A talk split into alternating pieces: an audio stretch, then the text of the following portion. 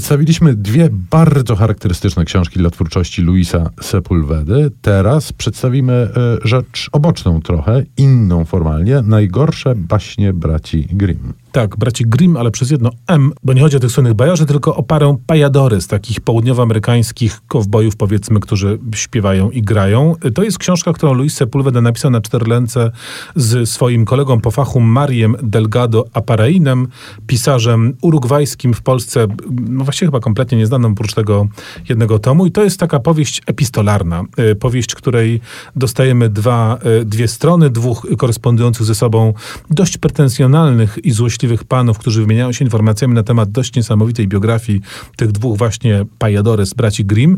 Zabawa literacka, bardzo w duchu borgesowskim, takim meta, meta, meta tekstowym, pełna różnego rodzaju dowcipów i aluzyjek, które czasami są objaśnione przez tłumaczkę, abyśmy mogli się w tym wszystkim połapać. Ciekawe, zabawowe i pomysłowe i świeże. Równie świeża i jak najbardziej na czasie jest kolejna pozycja Sepulwedy, tym razem adresowana do najmłodszego czytelnika, albo do prawie najmłodszego. Historia o mewie i kocie, który uczył ją latać. To jest taka książka, którą już pięciolatką można e, próbować czytać, a dziesięciolatki się pewnie też nie znudzą. No i tu znowu Luis Sepulveda, który był działaczem ekologicznym, wspierał Greenpeace i tak dalej, e, tu e, eksponuje e, swoje przywiązanie do mm, kwestii właśnie proekologicznych.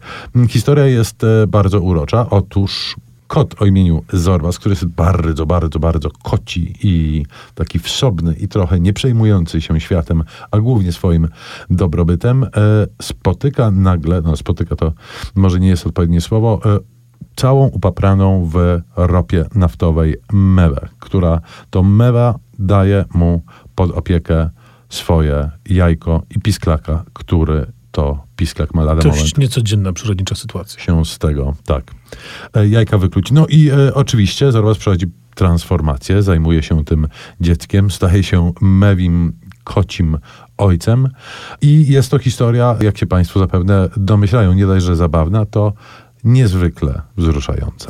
No na koniec dajmy coś, no nie wiem, czy jest wzruszające, ale zabawne na pewno. Książka dość specyficzna, która składa się z dwóch mniejszych historii. Tytuł jej brzmi Dziennik sentymentalnego killera i Kajman. To są dwie, te dwie, y, y, dwie książeczki, dwie powiastki w jednym tomie wydane. Obydwie zostały napisane przez Sepulvedę jako powieści w odcinkach, publikowane w hiszpańskiej prasie w drugiej połowie lat 90. Obydwie mają czysto rozrywkową y, formułę. Ta pierwsza opowiada rzeczywiście o historii pewnego, no zakochanego, jak się okazuje, niezbyt szczęśliwie płatnego zabójcy, który no, musi realizować swoje zlecenia, ale ponieważ życie mu się osobiste sypnęło, no to i mu się te zlecenia zaczynają sypać. A druga historia, Kajman, jest znowuż też taką tajemniczą zagadką śmierci pewnych pot, grupy potentatów związanych z przemysłem skórzanym.